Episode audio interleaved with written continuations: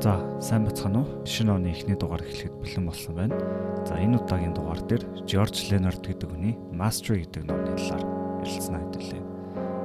За тэгээд ер нь ингээд надад байн ботогддог л доо нэг асуулт хүн ер нь яаж ингээд сайхан амьдрд юм бэ? Эсвэл яаж сэтгэл хангалуун амьдрд юм бэ? Яаж тултал нь амьдрд юм бэ? Гэдэг асуулт ер нь толгойн ард байн явж идэг. Гэтэ миний хувьд бол энэ хамгийн хэрэгтэй ойлголт болвол mastery гэдэг ойлголт. Ерөөсөө энэ ойлголтын дээр суйрлал бусад бүх юм энэ дээр баригдаж явж байгаа гэсэн үг. Тийм болохоор ер нь энэ номыг заавал жилд нэг удаа бол зоолттой унших хэрэгтэй юм шиг санагдсан. Хэдийгээр ажил мэргэжлийн ярьж байгаа юм шиг боловч ер нь амар өргөн цар өрөөтэй яг артлыг нухад үзэх юм бол одоо жоохон зэн маягийн философи идэг. Тэгээд тэрийг ярина. А тэгээд энэ номных нь нэр нь одоо mastery Тэгээд амжилтанд хүрч урт хугацааны сэтгэл ханамж авах түлхүүр бас нэртэй байгаа. Тэгээд тэр нь ч бас учиртай байна. Тэгээ н урт хугацааны хэлж байгаа чухал. Яагаад гэвэл бид нар ингээд технологийн хөгжил төвшлтээс болоод ер нь бүх юмыг амар хурдан хийдэг, хурдан хүсдэг, тийм нийгэм, тийм сэтгэл зүйтэй амьдарсаар байгаа сурцсан. Гэхдээ mastery дээр бол яг эсрэгээр нь ханддаг. Яг тэр амар удаан процессыг илүү таашаадаг. Тэгээд ер нь great things take time гэдэг шиг том зүйл болол их цаг ордог гэдэг санааг агуулж идэг. Тэгээд яг за 100000 цагийн дүрм шиг нэг юмд мастер болт юм биш тэгээд энэ нь яаж намайг сэтгэл хангалуун болгох юм бэ гэж бодчих магадгүй. Гэтэ одоохондоо энэ жоохон ойлгомжгүй байгаа ч гэсэн энэ дугаарыг мань дуустал сонсороо гэж хүсэж байна. Тэгээд энэний цаана амар тийм үндэс суур болсон гүнзгий философи нуугдж байгаа. Энэ үндэс суурийг амар сайн тарьж чадах юм бол ер нь ургаж байгаа жимснүүд нь амьдралыг чинь амар амттай болгоно. Тэгээд ер нь олон асуудлыг чинь шийдэж чадна гэж бодож байна. Тэгээд тийм болохоор гүнзгий үндэснээс ургаж байгаа мод доктортой бат бөх байдаг шиг энэ бичлэгч гэсэн тийм гүнзгий фундаментал өөрчлөлт авчраасаа гэж хүсэж байна.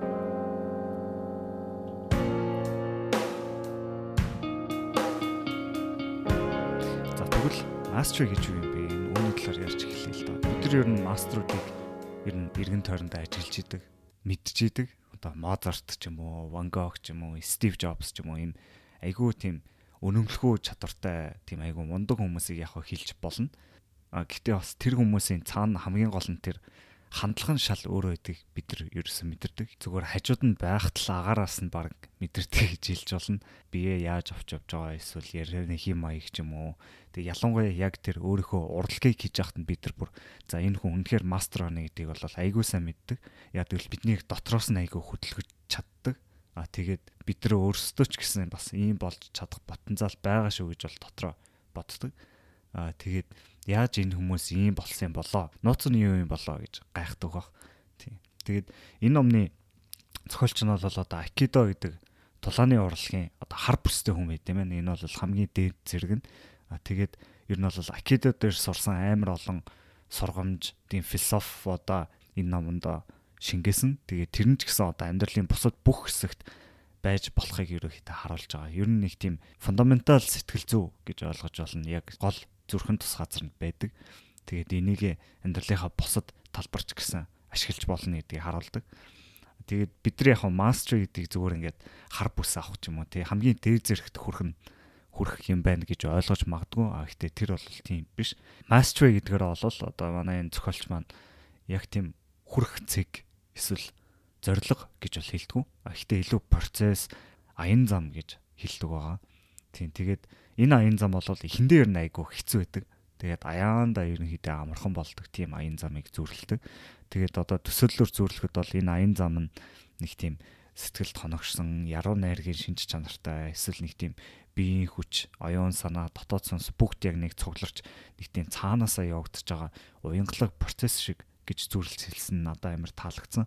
Тийм болохоор ингээд яг тодорхойлолт өгөх гэхээр айгүй хэцүү. Гэтэ бид нар хараад шууд мэддэг. Тийм. Энэ айгүй олон хяндлын хэлбэрээр байгааг бид нар ер нь ажигладаг. Ер нь олон салбарт харж болдог. Одоо дасгалаа тогтмол хийж байгаа тамирчин эсвэл өглөө болгон бясалгаж байгаа лам, зураг уралж байгаа зураач ч юм уу. Ер нь тийм бүгд өөр хэлбэртэй мөртлөө яг бүгд нэг төрлийн хуулиар явагддаг гэдгийг энэ мастер болох процесс гэж нэрлэж байгаа. Тэгээд бид нар энийг зөвхөн ингээд амар лаг чадвартай хүмүүс байдаг гэж боддог. А гэхдээ үгүй энэ бол бүх хүнд боломжтой байдаг. Ерөөсөө ямар ч насны хүн бай, ямар ч хүйсний хүн бай, хаан төрсэн бай тэр бол ерөөсөө хамаагүй хүн болж төрсөн л бол биднэрт бүгдэнд нь энэ нөөц болцоо. Тийм. Тэгээ биднэрт энэ нөөцөлцөө нь үргэлж байсаар ирсэн. Бид нэр зүгээр л өөрсдөө сануулгах хэрэгтэй. Тэгээд ер нь бидрийг байн хүлээгээд байж идэг гэж хэлж болно.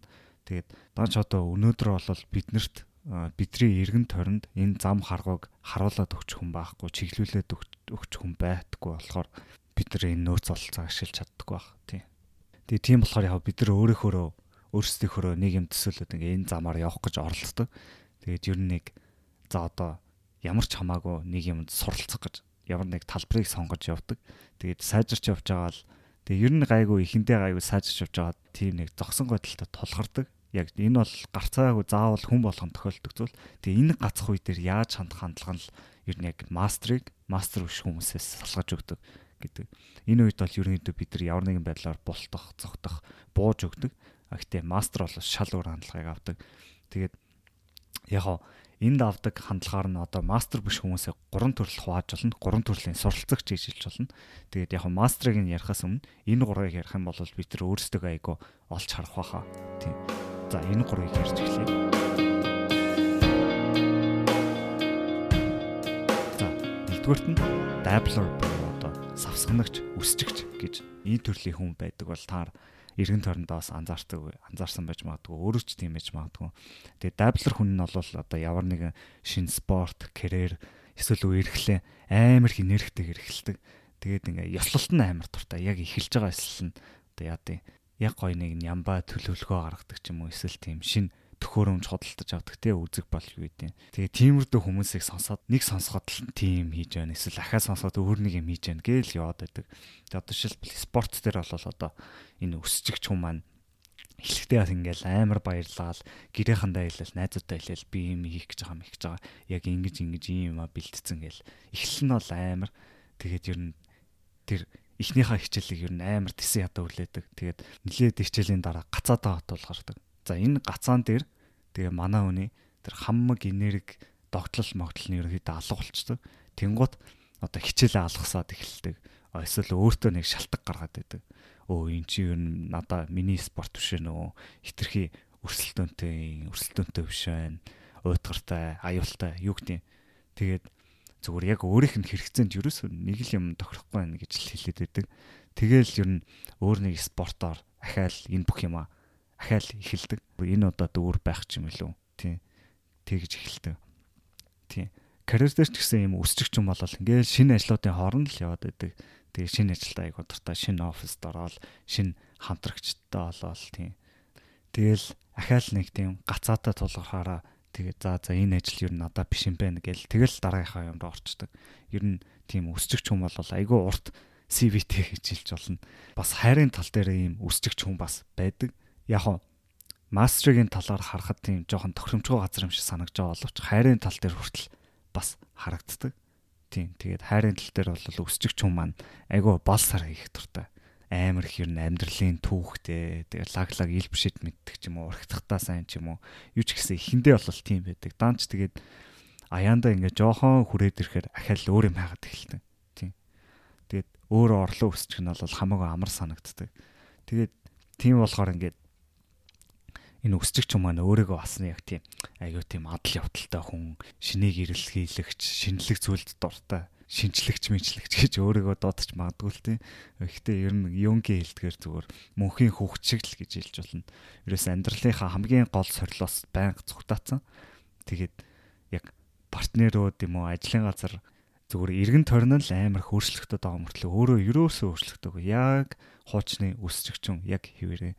Тийм амар урт хугацааны дараа эргэж харахад бол хаашаа ч яваа гэдэг яг үнэндээ. Яг уу өсчгөө болоод нэг юмнасаа зуурч авах гэж байгаа юм биш л те. Яг уу өсчгэд сайн байж магадгүй мэдээж болохгүй байгаа зүйлийг хаяад явах хэрэгтэй. Гэхдээ өсчгч хүн маань бол бүр ингээд нэг юмдаа төвчээртэй доктортой сууж чаддгүй нэг л хэлж байгаа. За энэ бол өсчгч гэдэг ихний анги байна. Хоёр дахь мастер биш англи бол obsessive гэж байгаа. Одоо энийг донцсон ч юм уу ер нь байнга л тэр юм а яаж хийх вэ гэдэл байнга толгойтой явж идэг хүн гэж хэлж болно. Тэгээ obsess гэдэг нь угаасаа тэгж өөрийгөө шаналгатлаа бодож нэг юмар толгоогоо дүүрхийг хэлж байгаа. Тэгээд юу н айтайхан орчуулга мэдэхгүй болохоор obsessive гэд аваа явчих. Тэг тэгээ obsessive хүн бол айгүй тийм үр дүнд бол амар туртай. Тийм нэг амбицтай хүн байгаа. Нөгөө ялах бол бүх зүйлөөш ялах бол цоройгоо зүйл угаасаа л ялна гэд нэг тийм хүмүүс байдаг та. Тийм хүмүүс ямар нэг юм суралцахтаа болол яг ихний хичээл дээр л ер нь бүх юмыг төгс эзэмшиг айгүй хүсээд идэг. Тэгээд одоо хичээлийнхаа дараа багштайгаа ярьдаг те. Яаж одоо илүү ном уншиж, гэрийн даалгавар хийж өөрийгөө илүү хурдан сайжруулах уу гэж асуудаг нэг team type-ийн хүн. Тэгээд яг обсессив хүн эхэндээ амар их прогресстэй эхэлдэг. А ихтэй явж байгаад ахаал гацаатайгаа тулгардаг. Тийм. Гацаатайгаа тулгархаар одоо өсчихч хүн маань болол тэгэл хаяа явцдаг, өөр юмлаа явцдаг болол манай хүн бол ууг нь бол бууж өгөхгүй. А ихтэй энийг хүлээн зөвшөөрөхгүй. Энэ юусаа байжлахгүй гэж үзээд тэгээд уллам хичээдэг. Өөрийгөө бүр амар пүшлдэг. Тэгээд ер нь ингээд одоо босс юм уу одоо дарганы юм уу ажлынх нь хүмүүс чинь ингээд жоохон амраач хийхэд бол юус тэхгүй. Зөв шүнжэнгөө ажиллаад өөрийгөө пүшлээл яваад н тэр үр дүнгээ харахын тулд ямар ч хамаагүй байдлаар яаж иж байгаа л тэр үр дүнгээ харахыг хүсдэг. Одоо Америкт бол жишээлбэл корпорат компани менежердийг одоо жоохон тиймэрдөө тийм жоохон обсессив хандлагатай харагдаад байдаг л та. Тэгээд яг гол хэмжигдэж байгаа зүйл нь ерөөсөө орлого байдаг. Ерөөсөө орлогоо л ингээл байнга дээшээ өсөж байгаа юм шиг харагдуулж чадвал ерөөсөө тэр удаан хугацааны судалгаа, хөгжүүлэлт, урт хугацааны төлөвлөлт, тэгээд хөрөнгө оруулалт, харилцаануудаа нэг боддгоо. Тэгээд тийм болохоор ер нь ийм обсессив хүмүүс нь заавал нэг тийм уулын өөдөл зөвлөсөн хүмүүс байдаг дээш өсөлтийн төлөө амьдардаг нэг тийм одод руу тэмүүлдэг хүмүүс гэж хэлж болно. Тийм. Бас тэгээд бас хайрын тал дээр ч гэсэн ярьж болно. Тэгээд аяанда ингээд гацаанд орохороо өөр газраас хайхгүй ч гэсэн тэр харилцаагаа бүр амар пуш хийж үздэг. Яа тийм одоо амар гоё бэлэгсэлт өгд юм уу эсвэл нэг бүр хитрхи романтик газар болцоонд явуулах гэж үздэг юм уу эсвэл эротик байдлаар засах гэж оролцдог юм уу тэгээд ер нь яг энэ гацаанд явагддаг тийм заавал шаардлагатай юм хөгжүүлэлт ийм процесс байдгийг нэг их ойлгодгоо. Тэгээд амар хүчлээ хүчлээд нэмэргүй нэг тийм галзуулган дээр суусан юм шиг л яваад байдаг. Тэгээд эцэст нь тэгэл ер нь галгар шатаад дуусдаг. Тийм ер нь burnout гэж хэлдэг шүү дээ. Тэгээд яг прогрессыг нарах юм бол өсчих хүнийг бодвол арай нэг жоохон прогресс ингээ дээшээ хидэт гардаг хамаагүй их хичээл зүтгэл гаргаж байгаа болохоор ихтэй эцээ эцэст яг burnout хийгээл шатарч дуусдаг.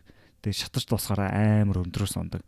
Тэгээ уусаа яаж ч утсан ингээ пуш хийгээл яваад байна гэж болохгүй л дээ. Зүгээр л юм цуглуулах гэж юмны юмны дээзэгт хүрэх гэж байгаа юм шиг пушлээд ээж энэ уналт бол зайлшгүй тохиолддог. Тэгээд яг нийгэмд бас ингээд ийм обсессив хүмүүс ингээ лаг амар амбицтай айгу өндрөөр үнэлдэг л дээ. Гэхдээ ингээ яг дотроо тэр хүмүүс бол амар тийм тухгүй өөрийгөө үзээ ядсан ч юм уу нэг тийм нэг тийм сөрөг ирч хүчээр л өөрийгөө пүшлээд байдаг. болохоор ер нь урт хугацаанд бүцдэг зүйл биш. Богино хугацаанд яг нэг жоохон амарлаг харагдаж магадгүй гэхдээ урт хугацаанд бол яах аргагүй унаж дуусдаг. Тийм. За тэгээ 3 дахь төрөл маань бол хакер гэж байгаа аргалагч хүмүүс. За аргалагч хүмүүс бол арай жоохон өөр хандлагатай. Тэгээд эхэндээ ингээд юмаа гайгүй сурч байгаад яг гацаатайгаа ахаад л тулгардаг. Тэгээд ер нь цаашаа суралцаж хөгжих хөгжиж дэвших хөгжиж дэвший гэж бодохын оронд ер нь тэр өсөл нь ерөөс байхгүй болчихдог. Тэгээд яа ингээд амар зайлшгүй шаардлагатай сургуульд хөгжүүлэлт тийм мастерын процессд бол шаарддаг огт тэрийг нь бол алгасаад эхэлдэг. Эсвэл ямар нэгэн байдлаар аргалаад эхэлдэг. Одоо жишээлбэл зөвхөн уртлаараа амар сайн зөвхөдөг тенсний тоглогч артлыгаа ерөөсө хөгжүүлэхгүй хүн гэж болно. Яг хо тэр нь бол гайгүй хангалттай нэг тийм мууч биш тэрүүгээр болол аргацаагаад яваад иж болдог. Тэгэхдээ цаашаа ерөөсөө сайжрах болцоогоо хаагаад өгчдөг. Тийм. Тэгээд юу ниймэрдүү хүмүүс тэгээд ер нь ажил юм уу бэлтгэлээ цагаасаа өмнө жоохон эрт дуусгаад ер нь нэг тийм жоохон урт амралт аваад тэгээ ажиллаа хийхийнхээ оронд жоохон чилчил суудаг ч юм уу тиймэрдүү хүмүүс байдаг. Тэгчээд тэгээд тэгсэн мөртлөө яагаад сайжрахгүй байна эсвэл босстой яагаад тушаал твшихгүй байна гэж гайхдаг байж магадгүй. Тийм. Тэгээ заримдаа миний бодлоор юм аргалагч хүмүүс жоохон маск шаардлагатай юм шиг байдаг. Ер нь нэг тийм даргын хөвгтийг хүчээр суулгачвал тэгээд ажиллаач хийж мэдгүй тэгээд өөрийгөө мэдгүй гэдгээ ээж хүлээн зөвшөөрөхгүй. Тэгээд мэдж байгаа юм шиг царайлал ер нь өөр өөрийгөө чуураад бусдыгаа чуураад хаяада болж байгаа юм шиг харагдаж байгаа боловч энэ бол тэгээд нурч унахаас угаасаа өөр аргагүй байдаг тийм. Тэгээд хайрын тал дээр ч гэсэн бас ийм аргалагч хүмүүс байдаг тийм энэ аргалагч хүмүүс бол тийм гэрлэлт цуг амьдрах гэдгийг юу н бас яг цуг сайжирч хөгжих зүйл гэж боддгоо а зүгээр нэг тийм айгу сайхан тухтай суурьж авч байгаа амралт гэж ойлгодог гэж магадгүй. Тэгээд мэдгүй чадахгүй юмнуудаараа болол нэх оролдъё гэж боддгоо, суралцъя гэж боддгоо. Тиймэрдүү зүйлээс зүйлүүдээс оргож байгаа нэг тийм сайхан нэг тухтай буудан л гэж боддог баг. Тийм. Тэгээд гэрэлтийг одоо нэг тийм ахуй хэрэгцээ хангагдаж байгаа л гэж ойлгодог. Ер нь нэг тийм уламжлалт үзэл байж магадгүй. Ерөнхийдөө тийм асуудаас зөндөө байдаг л бахал та. Тэгээд аль аль нь ч өөрчлөгдөхгүй нэг хэвийн гацаанда байгаа л байдаг. Тэгээд тэгээд тэнцэнэ хичнээн ч удаас басан тэгээд аль аль нь ч нэг тоохгүй тийм хүмүүсийг бас аргалагч гэдэг баха. Тийм. За тэгээд ийм гурван англи байдаг. Мэдээж яг энэ гурван категори нь нэлийн ангид категориуд бол биш л дээ. Тэгээд бас дээр нь талбараасаа хамаарна. Одоо жишээлбэл нэг хүн урлагт бол мастер гэж болно тий. Гэтэ хайрын тал дээр илүү өсчих хүн байдаг ч юм уу. Ажил дээрээ мастер мөртлөө жимэнд явах гэхээр нэг тийм хоёрын оронд их аргалагч хүн ч байж болно. Тийм. Тэгээд гэхдээ ер нь хараад байхад яг энэ гурван категорит ер нь яг 3.1 3.1 3.1 гэж ер нь хуваагдсан юм билээ. Тэгээд ер нь та бас өөрийгөө ч юм уу эсвэл эргэн тойрны хүмүүсийг иймэрхүү категорид орж байгааг бас анзаарсан гэж найдаж байна.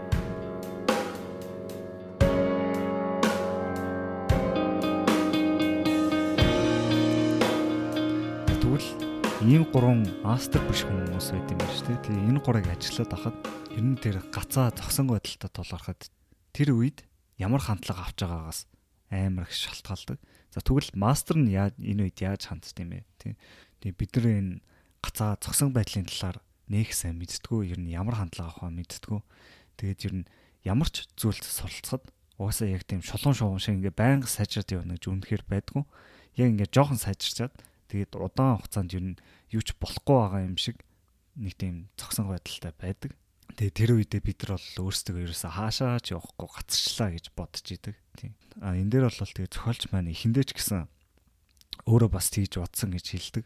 Тэгээ одоо би ингээд байнга сайжраад явж байгаа юм байна гэж боддог. Тэгээд а эхний хэдэн гацалтууд нь бол ерөнхийдөө айгу богинохон байсан. Тэгээ тэр үедээ гайгүй тэгэл жил агасны дараагаас эхэлж бол айгүй тийм удаан хугацааны гацалтуудтай тулгарч эхэлсэн. Ер нь тэгээ явж байгаа л гацчихдаг.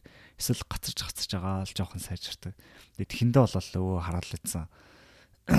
гацаа жүзээ ядаал тэгээл нэг ахаал нэг нилээ хэдээс хэдэн сарын дараа ахаал гацаатайгаа тулгардаг. Тэгээд тэ аяанда нэг удаа гацаан дээр гацаатайгаа тулгархтаа ер нь шал өөр зүйл тохиолдсон. Өөр бол дотроо тийж утсан гэж байгаа. Өө ахаал нэг гацан зогсон байдалтай тулгарчлаа. Тэгээд энэ бол сайн. Би зөвөр энэ дээрээ зогсож жагаад бэлтгэлэл хийгээд авах хэрэгтэй байна. Ер нь хизээ нэг цагт тэгээд угаасаа сайжирна гэж өөртөө хэлсэн байдаг. Тэгээд энэ нь бол хамгийн сэтгэлийг нь дулаацуулсан мөчүүдийн нэг гэж хэлсэн байдаг. Тэгээд энэ л ер нь мастрыг ялгаж өгдөг гол шин чанар. Тийм болохоор мастер нь ингээд том зүйлд хугацаа ордог гэдгийг мэддэг. Тэгээд үнэхээр өөрийнхөө урлагийг хайрладаг, үнэхээр их анхаардаг, тэгээд үнэхээр их ойрлогодог болохоор ер нь хандлага нь шал өөр өдөг. Тэгээд нилээн хэдэн сар болвол тийм тийм ямар ч амралтгүйгээр нэг тийм байнгын доктортой тийм бэлтгэлийн ритмд орцсон байдаг. Аа тэгээд тийм энэ урт хугацааны бэлтгэл нь өөрт нь амар урамтай байсан. Тэгээд бол зээнд хэлдэг шиг энд бол нэг тийм онц гойд юм байгаагүй тийм онц гоод юм байгаагүй болохоор л үнэхээр урамтай байсан гэж хэлдэг. Тийм. Гэтэ яг бодоод тахаар онцон юм байгаагүй гэж байгаа мөртлөө бас тийм биш байж магадгүй. Хэдийгээр ингээд гадаа дуу чимээтэй байгаа ч гэсэн одоо манай хүн одоо бэлтгэлтэй орохын тулд ингээ хоёр давхар шатаар алхаад нэг тийм сүм хийдэд орж байгаа юм шиг нэг тийм танил биш мөртлөө танилч юм шиг тийм газар орж байгаагаар дүрсэлдэг. Тэгээд ер нь энэ бэлтгэлийнхаа ёслолын бүх зүйл нь амар дуртай байдаг. Хэдийгээр байнга байсан тэр зүйл нь ч гэсэн байнга шин юм шиг санагддаг байсан. Одоо яг тэр бэлтгэлтэй орохын өмнө ёсолдог. Тэгээд орохдоо гişүнийхээ үнэмлэхийг шалгуулдаг. Хувц салх хөрөөнд өөрийнхөө бэлтгэлийн хувцсыг өмсдөг.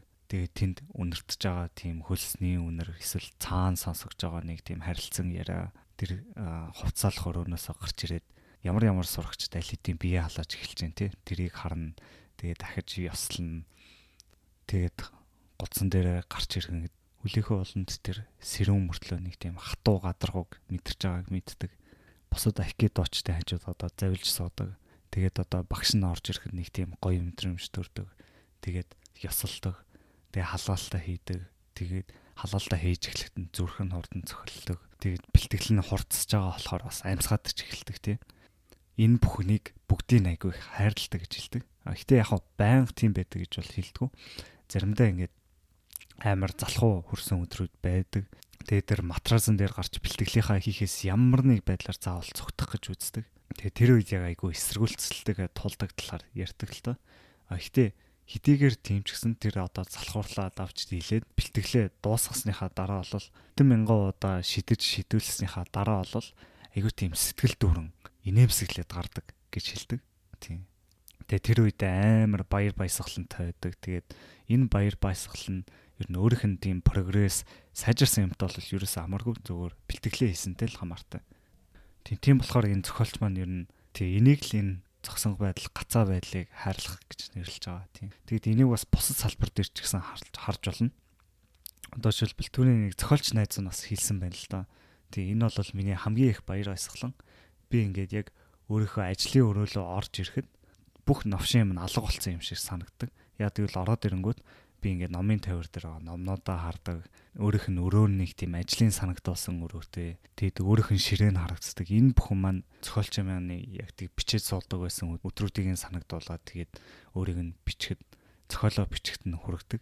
Тэгээд хичнээн бүр шүнжэнгөө суусан байсан ч гэсэн тэр ядаргаа нь алга болсон байдаг. Тэгээд энэчнээс амар олон төрлийн таашаал авдаг гэж бас хэлсэн байдаг. Тэгээд ер нь энийг ингээд анзаараад байхад яг энэ бэлтгэлийн үеэр бол одоо мастрын царай нэг тийм тайван дуу амарлангуу жоохон инэмсэглэлтэй байгаа юм шиг харагддаг. Тэгээд тэгээ спортын хүмүүс төр ялангуяа бид нар энийг бүр амар сайн анзаардаг баг. Одоо жишээлбэл цагсан дээр яа даа хитгэн минут дотор дотор байхад амар их дамрахтан донд ингээ эргэн тойронд нь баахан хүмүүс орилолдоод өрсөлдөгчт нь хүртэл амар хүчтэй хамгаалж хахад одоо зарим нэг тоглогч нар бол амар тийм ид шидийн юм шиг амар тийм урсаж гарч ирээл шидэл тэгээ баазер хийгээд оруулцдаг. Тийм тэгээд тэр нь ингээд нэг тийм яарсан марсан юм байхгүй нэг тийм амар имх замбраагүй юм донд ингээл нэг мастер урсаж орж ирээл шидэл баазер хийчихэж байгаа юм шиг санагддаг. Тийм. Тэгээд энэ бүх мэдрэмжүүдийг ярьж байгаа шалтгаан энэ бүхэн яг одоо зэгт байгаа гэж тодтогч өгч байгаагаас анзаарах хэрэгтэй. Тэгээд мэдээж одоо бидний байнга хүсэж явж идэг үр дүн чадвар мадар нь дандаа ирээдүйд юм өнгөрсөнд байдаг. А гэхдээ энэ бол яг одоод байгаа мэдрэхүй орчинд яригдчихж байгааг анзаарч байгаа байх. Яа тэгвэл энэ мастер болох зам үйл нь яг одоод л оршиж байдаг. Яг чи бол энийг яг харж чадна, үнэрлэж чадна, сонсож чадна, мэдэрч чадна тийм. Тэгээд энэ тэгээ гацаагаа хайрлах гэдэг нь яг энэ үүрдээ одон цагийг л мэдэрч хайрлахыг хэлж байгаа. Тийм. Яг сайжирч явах үедээ тийм амттай мэдрэмжүүдийг авдаг.